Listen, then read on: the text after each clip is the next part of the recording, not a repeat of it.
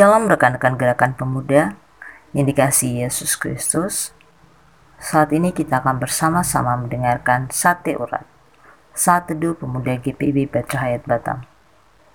Rekan-rekan yang terkasih, di dalam Yesus Kristus, mari kita memulai aktivitas kita pada hari ini dengan terlebih dahulu bersaat teduh. Mari kita berdoa. Allah Bapa kami yang bertahta di dalam kerajaan surga, kami mengucap syukur ya Bapa untuk nafas kehidupan yang Tuhan masih berikan kepada kami pada hari ini. Bapa, sebelum kami melakukan aktivitas kami, kami ingin membaca, mendengar, dan merenungkan firman-Mu. Berilah kami hikmat, supaya kami mengerti akan firman-Mu, dan kami dimampukan untuk melaksanakan firman Berfirmanlah Bapa, karena kami anak-anak-Mu telah siap mendengarkan firman -Mu. Amin. Rekan-rekan terkasih dalam Tuhan, pembacaan Alkitab kita pada hari ini terambil dari Matius 5 ayat 21 sampai 22. Firman Tuhan berkata, "Kamu telah mendengar yang difirmankan kepada nenek moyang kita. Jangan membunuh. Siapa yang membunuh harus dihukum. Tetapi aku berkata kepadamu, setiap orang yang marah terhadap saudaranya harus dihukum. Siapa yang berkata kepada saudaranya kafir harus dihadapkan ke mahkamah agama. Dan siapa yang berkata jahil harus diserahkan ke dalam mereka yang menyalanya, ke dalam neraka yang menyala-nyala. Demikianlah pembacaan firman Tuhan, terpujilah Kristus. Haleluya. Rekan-rekan pemuda, judul renungan kita pada hari ini adalah Mari menata kemarahan karena itulah yang menyehatkanmu.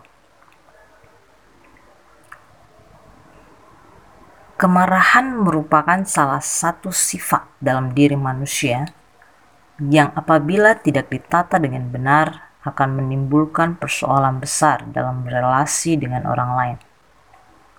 Persoalan mengenai bagaimana mengungkapkan kemarahan dengan cara yang tepat merupakan hal yang tidak mudah. Hal inilah yang menyebabkan sering kali banyak orang dalam mengungkapkan kemarahannya justru dapat melukai perasaan orang lain. Akibatnya, relasi yang dibangun antar manusia lambat laun menjadi rusak. Membaca ayat 22a muncul pertanyaan, apakah kemarahan yang dilakukan oleh seseorang dapat dikategorikan sebagai dosa besar? Sehingga apabila seseorang marah kepada sesamanya, maka orang tersebut harus dihukum? Untuk menjawab pertanyaan ini, maka kita wajib membaca keseluruhan ayat 22 dalam Matius pasal 5 ini agar dapat memahami maksud Tuhan Yesus dalam pernyataannya. Tuhan Yesus tidak sedang berbicara mengenai kemarahan yang selayaknya dilakukan terhadap orang yang fasik dan mereka yang tidak adil.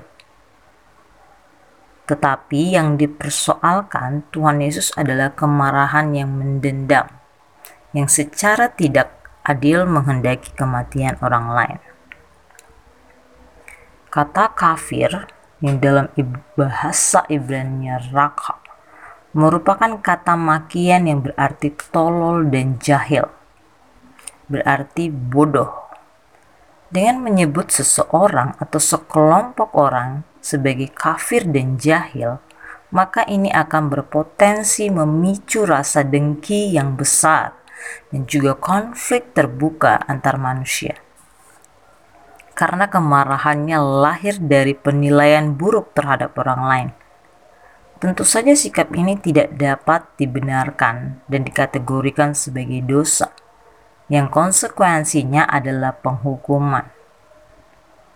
Hari ini kita diingatkan untuk selalu berpikir positif dan menghindari pikiran-pikiran negatif terhadap sesama dalam perbedaan kemarahan yang dilahirkan dari asumsi tidak akan menyehatkan iman kita. Amin.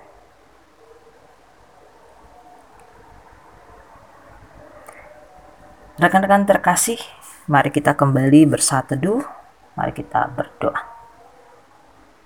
Allah Bapa yang baik, Allah Bapa yang Maha Kudus, kembali kami mengucap syukur ya Bapa untuk firman Tuhan yang kami boleh baca dan renungkan pada hari ini. Yang telah mengajarkan kami dan mengingatkan kami untuk mengendalikan diri kami baik itu pikiran dan perkataan kami. Ajarlah kami ya Bapa untuk selalu berpikir positif dan menghindari hal-hal yang negatif dalam sekeliling kami. Bapa, kami ingin berdoa ya Tuhan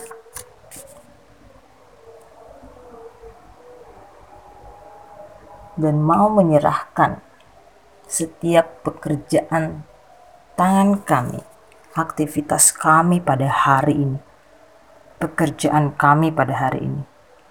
Biarlah itu semua boleh berkenan di hadapanmu ya Bapa. Bapa, kami juga mau berdoa ya Tuhan untuk orang tua kami yang Engkau selalu memberkati mereka di mana pun mereka berada. Kami juga mau menyerahkan dan berdoa untuk saudara-saudara kami yang sedang sakit, baik itu yang sedang di rumah sakit ataupun yang sedang berada di rumah mereka masing-masing. Biarlah kiranya Tuhan yang selalu menjamah dan memulihkan mereka sehingga mereka boleh sembuh karena kasih setiamu. Bapak pada hari ini kami juga mau berdoa ya Tuhan bagi rekan-rekan pemuda yang pada saat ini mengalami pergumulan hidup.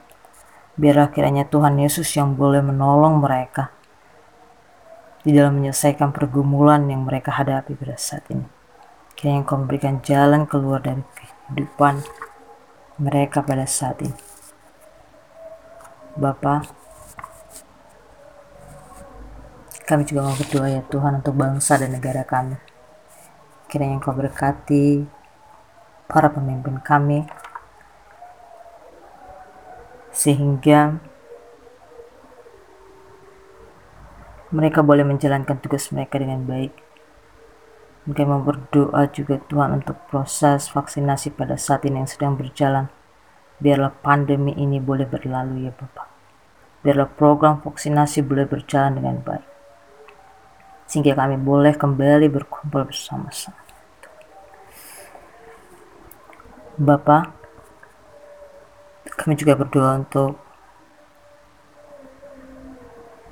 gerakan pemuda ya Bapak, kiranya melalui sate urat ini banyak firman Tuhan yang boleh kami baca dan renungkan sehingga kami boleh melakukannya di dalam kehidupan kami. Terima kasih ya Tuhan. Inilah doa kami yang kami alaskan dalam nama Tuhan Yesus Kristus. Amin.